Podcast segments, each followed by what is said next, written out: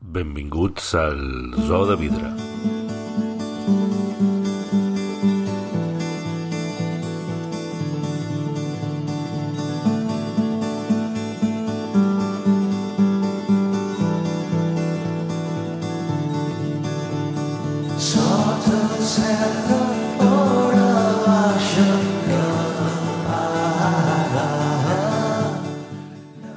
El que passarà a partir d'ara és una obra necessària, que ha sortit del cap de Glòria Balanyà, que Joan Jago ha escrit i que interpreta Nil Cardoner, al Teatre Lliure.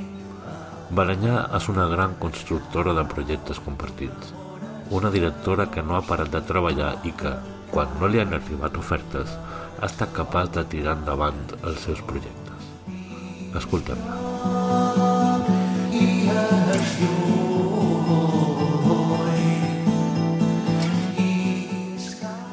Glòria, bones, benvinguda al Zoo de Vidre, el podcast de teatre del, del temps de les arts. Um, Bon dia, Andreu. el primer que demano és com estàs, com, com vas, dir, uh, no sé, estrenar el llibre està bé, saps? És dir, no passa cada, ni cada dia ni cada any, no? Correcte, no, no, uh, no, uh, no, la veritat és que, a veure, estic, estic contenta, estic feliç, és veritat, uh, estic feliç, és, és bonic estrenar al Teatre Lliure, al Teatre Lliure de Gràcia, que jo, bueno, hi he treballat altres anys, anys enrere, com a ajudant de direcció, al llibre de Montjuïc sí que hi havia presentat uh, un parell de coses fa molts anys en, en el que era un cicle que es deia Assajos Oberts, uh, però fa, fa molt de temps i havíem estat a l'Espai Lliure i vull dir que he estat com a la casa, però clar, no com a directora així, a més a la sala lliure de Gràcia. I la veritat és que és... Bueno, no sé, tens la sensació de, d'estar en un lloc històric, hi ha un equip, un equipàs molt gran i molt professional i, i bé, i en aquest sentit estic això, estic feliç perquè com tu dius Andreu, no, no, això no es produeix cada any i, i aleshores és, una, és un motiu bonic de, de celebració i també amb una peça tan especial com amb aquesta. Per què, per què costa tant a les... És una pregunta que em faig jo. A, a, a les directores, sobretot, accedir a, als grans teatres, és a dir, perquè tu tens, t'has mogut, has estrenat a tot arreu, a, i sobretot a les sales de, ara que es diuen teatres de proximitat, uh, però, però arribar a un lliure, a un nacional, sobretot si fas un tipus d'obres, no? És a dir, uh, costa molt, dir, i és una cosa que, que em sorprèn, no? A més, això tens una oportunitat un any i després vés a saber quan et toca la pròxima, no? No sé, Sí. per què costa tant, creus tu? Uh, mira, no, no ho sé, perquè, o, o sí, o potser sí que si, si busquem trobarem respostes, no? Um, jo no, no sé si ho has vist, però aquesta, aquest mes ens han entrevistat a l'Entreacte, no? Hem, uh, ens han fet un petit reportatge una mica amb motiu del dia, no? del dia de la dona, eh, volíem fer una portada sobre directores i això. I, i l'altre dia em llegia que deia jo no sóc una quota o no vull pensar que sóc una quota. I en aquest sentit, eh, aquests dies hi donava toms i pensava és cert això que dic, perquè ho vaig dir i ho dic d'acord, però segurament és cert que els temps també són favorables i potser precisament per això eh, puc estar en aquest moment al lliure. Llavors, eh, és veritat que hi ha hagut una, uh, un monopoli, no?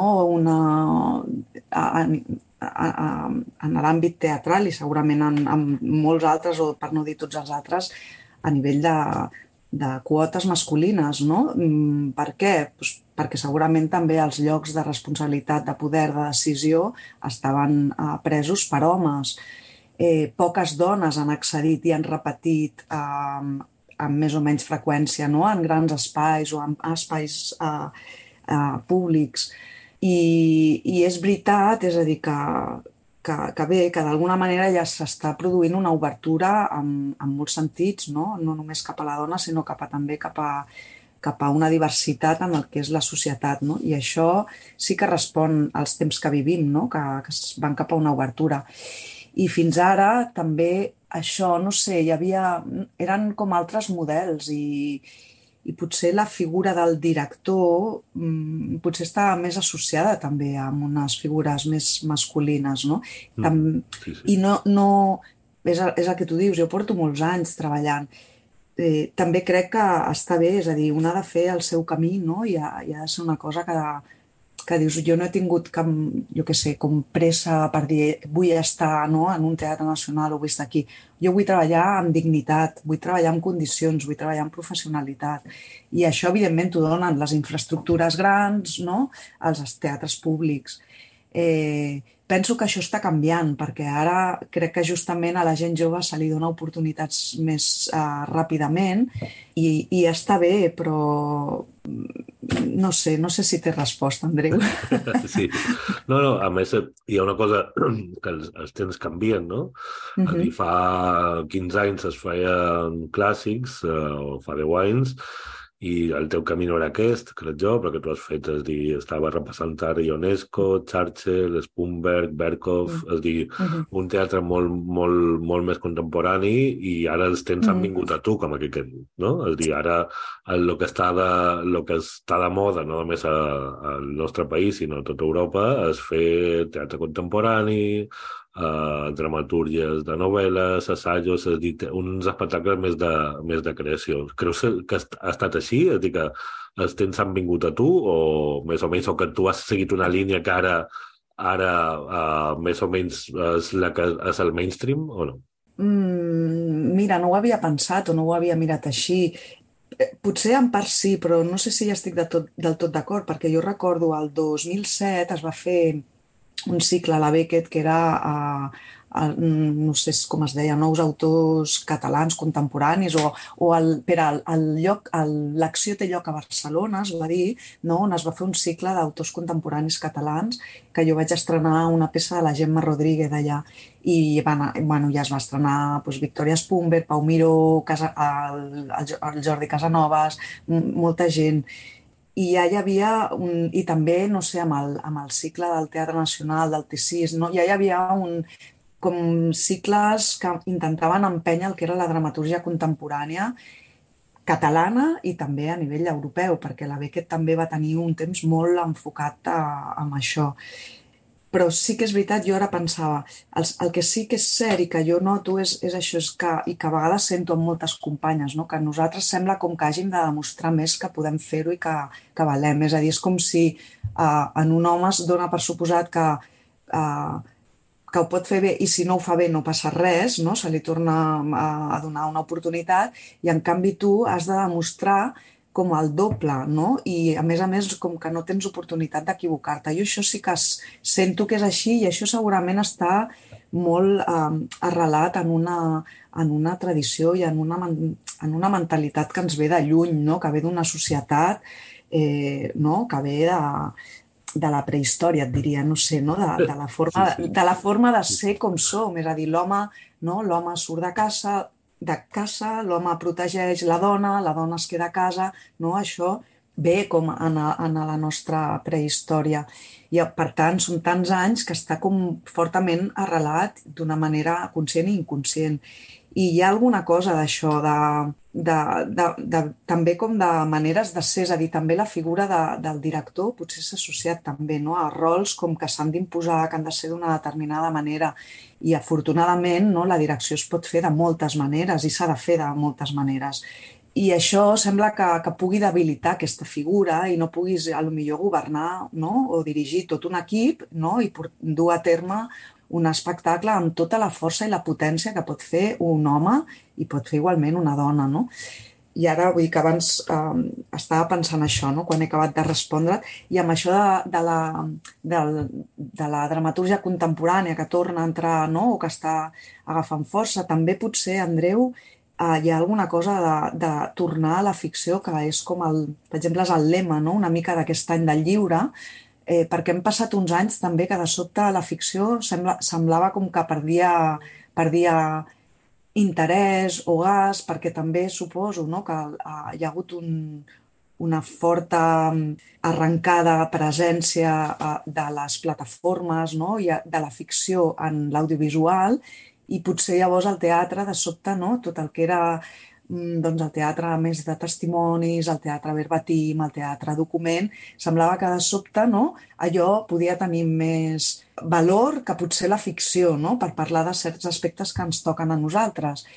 I ara, de sobte, potser arran de la pandèmia, no? que tot s'ha remogut, tot s'ha regirat, hi ha una tornada com a reivindicar la ficció com a, com a lloc on, on les històries, evidentment, ens poden commoure, arribar, tocar i fer-nos pensar igual que, que els testimonis reals, no? que, que això, que escenes que desdibuixen no? la ficció i, i això segurament també afavoreix, perquè mira, estem amb el, amb el Joan Llago, per exemple, no? fent una ficció quan al principi teníem dubtes no? de veure com, com, com podien conviure la ficció i la realitat en aquest projecte concret. No? I vam apostar clarament per la ficció des de l'inici sense saber, vull dir que de sobte ens trobàvem a la roda de premsa del llibre no? i que era com no? la ficció, no sé quin era exactament el lema, però és com que torna a estar present i, i ha vingut com amb, amb molta força. De fet, és una obra que és un monòleg no? de Nil Cardoner, que és un noi no? de 16 anys, més o menys, i hi ha un moment de l'obra que no desvelarem res, que diu me'n vaig a veure a morir el meu pare no? Uh, quin, què és aquesta obra que tot el que passarà a partir d'ara?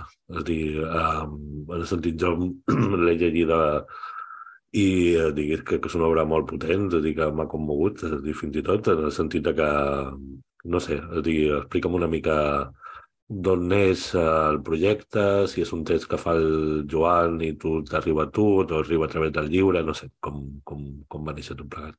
Bé, doncs no, el projecte, mira, neix, neix, de, neix de mi, en aquest cas, no és un text que tingués al, al llago i me'l proposés o jo li preguntés si tenia res, sinó que el, el moment de pandèmia, el moment de pausa, per mi va ser com molt fructífer en el sentit de pensar, de poder pensar projectes amb, amb certa calma, moment del qual han sortit les dues coses que estic fent aquest any, a més a més, no? que una es farà ara de, més endavant i aleshores també és veritat no, que es van eh, començar, es van donar ajuts, no? es van proposar ajuts a, a, a la creació perquè va ser un moment no, de peron i que va afectar molt no, al sector.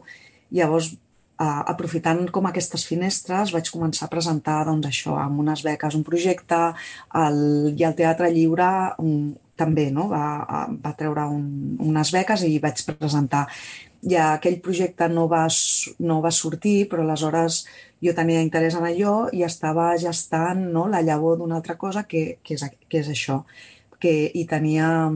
La llavor era això, l'interès en parlar de, de la malaltia, no, de la pèrdua, no, quan, què passa no, quan a prop teu, a casa teva o al teu voltant, arriba la malaltia de manera inesperada, en un moment diguem que no, no, que dius no ets gran, no, no, no, i, i ja és més normal que pugui aparèixer.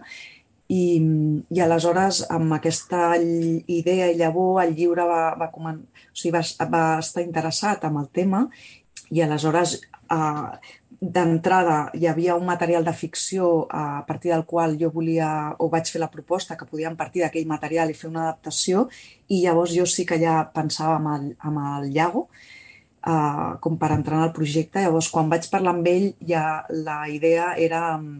Uh, hi havia dues possibilitats, és a dir, o seguíem, partíem d'aquest material de ficció i fèiem una adaptació per teatre, o creàvem una cosa de nou uh, girant el punt de vista i parlant això des de la persona que es queda i no des de la persona que se'n va, d'acord? Perquè l'altre era des de la persona que rep la notícia, que viu la malaltia, no? I, i aleshores vam, vam decidir donar-li donar, -li, el tom. I per tant sóc jo que li faig la proposta al Llago, al Joan, i, i no ben bé com a encàrrec, sinó una proposta com d'entrar en un procés de creació, de dir anem a fer junts això. Hi havia uh, unes persones al voltant, uns testimonis amb qui bueno, volíem contar i no sabíem la manera, no? com acabaria sent aquesta vinculació amb aquesta realitat que, que m'envoltava i, i, i a partir de la qual jo volia parlar i treballar. I aleshores això va ser, va ser així en aquest cas, no? I vam començar un, un procés que realment ha sigut un procés de creació conjunt, és a dir, malgrat ella ha escrit un text al final i l'ha escrit a casa, però ha sigut molt, molt proper, molt conjunt, des de treure el títol, a començar a passar-me tot el, no? el punt de partida, la decisió de que fos un noi de 16 anys um, i la relació amb el seu pare, vull dir, tot això ha estat com parlat conjuntament, no? I, i, i després en el procés d'assajos al, al revés, no? és a dir, el Joan ha anat venint bueno, hi ha, hi ha hagut uns dies que no l'he deixat venir, no? He, necessitat, he necessitat també com el meu espai, igual que va, va tenir el seu ell a casa escrivint, no? per trobar també el camí no? i el codi. Però, però fins a l'últim dia hem estat allà molt, molt junts, cosa que, que també em, ha sigut molt bonica com a procés, saps? No és un encàrrec de Joan, escriu sobre això i després m'arriba i, i ja va, jo ho dirigeixo. No, realment sento que hem fet un procés perquè també hi ha hagut tota la part d'entrevistes de, amb, no, amb aquestes persones i ho hem fet conjuntament, igual, igual que també hi ha participat el Nil, no? I bé, així ha anat. De fet, el, és un procés que, que no és la primera vegada que fas, no? perquè crec que amb els ossos de Montaigne no? ja va, va fer una cosa, una cosa semblant. No? És dir, el, aquesta col·laboració director-autor, que ara està tan denostada, quin, dir, de fet és un procés que segueix uh, normalment a, a, a moltes bandes. És dir, llevat de quan el, el mateix autor dirigeix el seu propi text, però mm. quan es tracta d'estrenar una obra sempre aquesta col·laboració, i a més el, tenint en compte que el projecte la, o la idea primera motora parteix de tu és, és el més interessant. Per què no vas, per què no vas escriure-ho tu? És la pregunta. Ah, perquè, crec, perquè el Llago és brillant, el Llago fa molt bé, uh, és, eh, ell és un dramaturg i jo he escrit coses i les meves primeres dramatúrgies uh, doncs les havia escrit jo, no? fent com unes versions de Madame Bovary, de, del quartet també. Eh, i, per exemple, aquí no m'ho vaig plantejar perquè també és, és a dir, al final fer això, eh, aquestes dues produccions de les que estem parlant, de fet són peces de creació. Eh, en Montaigne encara molt més perquè la idea no era escriure una obra dramàtica, sinó que era fer un espectacle de creació en el, en el qual jo vaig decidir en un moment determinat que hi havia dues ballarines i una actriu i llavors la forma que agafaria no sabíem ben bé quina era, però sí que la col·laboració va començar, amb, en aquest cas, amb una dramaturga, que va ser l'Anna Maria Ricard, i després va, va canviar i va ser el Sadurni Vergés. Allà sí que va haver-hi un punt que em vaig plantejar si ho podia fer jo, però perquè més també en aquell cas la idea no era escriure no era escriure, diguem, un text dramàtic, sinó partíem de materials, d'assajos, de textos filosòfics, d'articles. La idea era justament partir de textos que, que parlessin sobre el tema que toquem en allà, que és la pausa, eh, que és el silenci, i sí que vaig estar en un moment temptada de, de fer-ho jo, però la feina de direcció és tan gran i en un procés de creació que t'enfrontes no, a un buit i ho has de construir tot, que que, que ja m'anava bé perquè, perquè, perquè després um, tampoc, um, no sé, tinc altres facetes a la meva vida, com és la de mare, com és la de docent, que no, o sigui, no, no tinc una companyia no? que dius et pots centrar sis mesos tancat, tancada amb això. No? Has de conviure amb altres facetes de la vida, llavors tens el temps que tens. I penso també que és molt rica la col·laboració, saps? És a dir, perquè o n'hi veuen quatre ulls, no n'hi veuen dos, no? o n'hi veuen sis. I una mica serien aquests els motius. No? I en aquest cas, com que la idea sí que era escriu, escriure un text que no sabíem en quin format, en, de quin gènere, però mira, t'he de dir, i ho he estat dient, jo no coneixia el Joan Llago, vull dir que va ser una aventura d'intuïció, però com moltes de les que he fet aquí. També els ossos de Montaigne no coneixia l'Anna Maria Ricard i ens hem trobat diguem, apassionades amb el tema, no?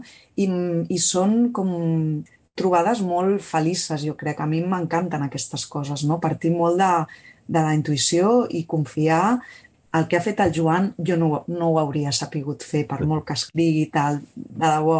Eh, era un tema molt, o és un tema molt delicat i a més posat en, en, en la perspectiva no? d'un noi jove adolescent i intentant recollir no, tot el que li pot passar pel cap, tot el que pot sentir en un moment vital tan complicat i delicat, i crec que el Joan ho ha fet de manera magistral, eh, podent recollir això, moments d'humor, eh, moments molt durs eh, i sense fer-ne un melodrama, a més a més, no? Vull dir, trobant aquell equilibri que això, que et pot emocionar, però que alhora pots riure i que alhora pots reflexionar i sortir, en certa manera, reconfortat d'aquesta experiència. Sí, de fet, hi ha una pulsió entre la vida i la mort brutal a l'obra, diguéssim, que és, una, és una, com un combat, no?, que és normal quan, quan un noi de 16 anys li passa alguna cosa així, i a més no li passa els 16 anys, sinó que fa 10 anys eh, que ho està patint, no? El personatge diu un moment de jo me'n recordo com era la meva vida abans, no? O què feien els meus pares abans, o, o tot això, no? I, I, de fet, aquesta pulsió entre vida i mort crec jo que és una és una cosa, una línia que podria traçar de les, de les teves, de les obres que has dirigit i, i, i de lo que has fet, no? És dir, d'on te surt eh, això? Ostres, Andreu, jo no m'he fet aquesta retrospectiva que eh, sí que és veritat que, que, que bueno, he fet obres amb humor i comèdies així amb humor negre, no? com el Pulsió de, del Croets. Sí, sí. Um, però sí que és veritat que hi ha temes allà que, que bueno, i un, i un projecte sí que estic bueno, que faré en, en breu, també, no? no, que, no, que no dic res, però vull dir que de sobte també penso, ostres, tu, no? És com L'altre dia l'Anna Pérez Pagès ens preguntava, no? en, el, en el podcast del llibre ens deia eh, bueno, després d'això, per quan una comèdia musical, no? El Iago ja la té, el Iago ja l'està preparant. I jo penso, bueno, potser després de la propera que, que, que tinc, potser sí. No sé d'on ve. Uh, potser... Perdona, Glòria, però això no té per què. És dir, és dir la has dit, estic molt obsessionats en fer riure eh, i jo crec que hi ha molts grans, molt bons com, comediògrafs, com, com hi ha la cartellera, no? És dir, que obres que ho peten i per sort no tot ha de ser així, no? És dir, el, hi ha un altre tipus de teatre, un altre tipus de relat i, mm -hmm. i no perquè sigui una cosa dramàtica ha de treure menys gent. És dir, hi ha obres que, que són terribles, és dir, jo que sé, penso amb el pare que va fer el pou ara fa no res, que és una obra terrible, però terrible, terrible, i va anar molta gent a veure-la. I, I la mm. gent també necessita aquestes catarsis, no? És dir, no sé. Totalment. De fet, el teatre neix d'aquí, no? Una mica de, justament de la, de la catarsi, de, de, de la purga, no? d'aquestes emocions que, que sentim. El, jo el darrer que eh, et volia preguntar és eh, quines sensacions has tingut sobretot de, de treballar amb un, amb un actor tan jove com el Nil Cardoner? Tu ets docent, diguéssim, estàs acostumada a, treballar amb gent jove. Si, és dir, com, al final és una obra que és un monòleg, que és un, una directora i un actor en escena, diguéssim. S'ha d'haver una mica una relació íntima, no? Uh, com has treballat aquesta intimitat? Mira, uh, t'he de dir que d'una manera molt plaent ha sigut un, un plaer uh, treballar amb aquesta intimitat.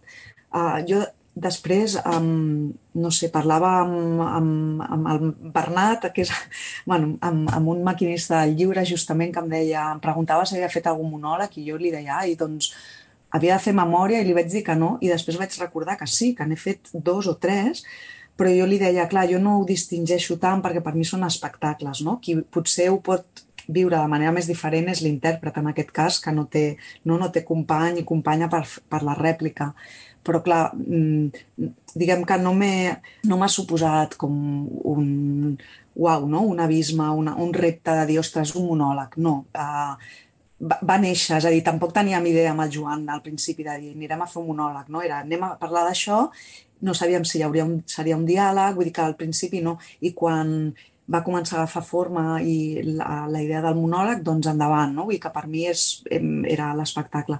Sí que pel, pel Nil és diferent, no? I és un repte. Aleshores, ha sigut molt xulo perquè hem pogut realment gaudir d'aquesta intimitat molt les cinc setmanes que hem estat assajant a la sala d'assaig. Érem, clar, un, un, anava venint equip, no?, esporàdicament, no?, en certs dies, però el fet de poder estar, uh, no?, amb, amb, amb aquesta proximitat amb l'intèrpret ha sigut com uh, uau, que xulo. Um, I llavors he recordat això, que n'he fet, que n'he fet d'altres. I t'he de dir que el Nil, de sobte també, tenir la joventut del Nil, que té 24 anys, la seva energia el seu, la seva disciplina, eh, perquè ell ha treballat molt a casa i un monòleg no el pots fer si l'actor no treballa. Cap espectacle el pots fer si els actors no, no treballen no, a casa, igual que tu has de treballar a casa. Llavors arribes allà i, no, i et trobes i cadascú ha fet la seva feina. No?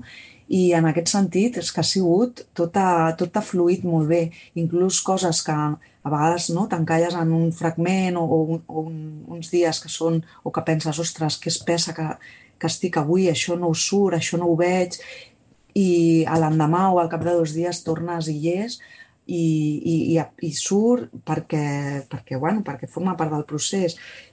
Però pensava, que xulo que és l'energia i també una cosa tan bonica del Nil, que és que arriba o, o ha treballat amb molta tranquil·litat i confiança.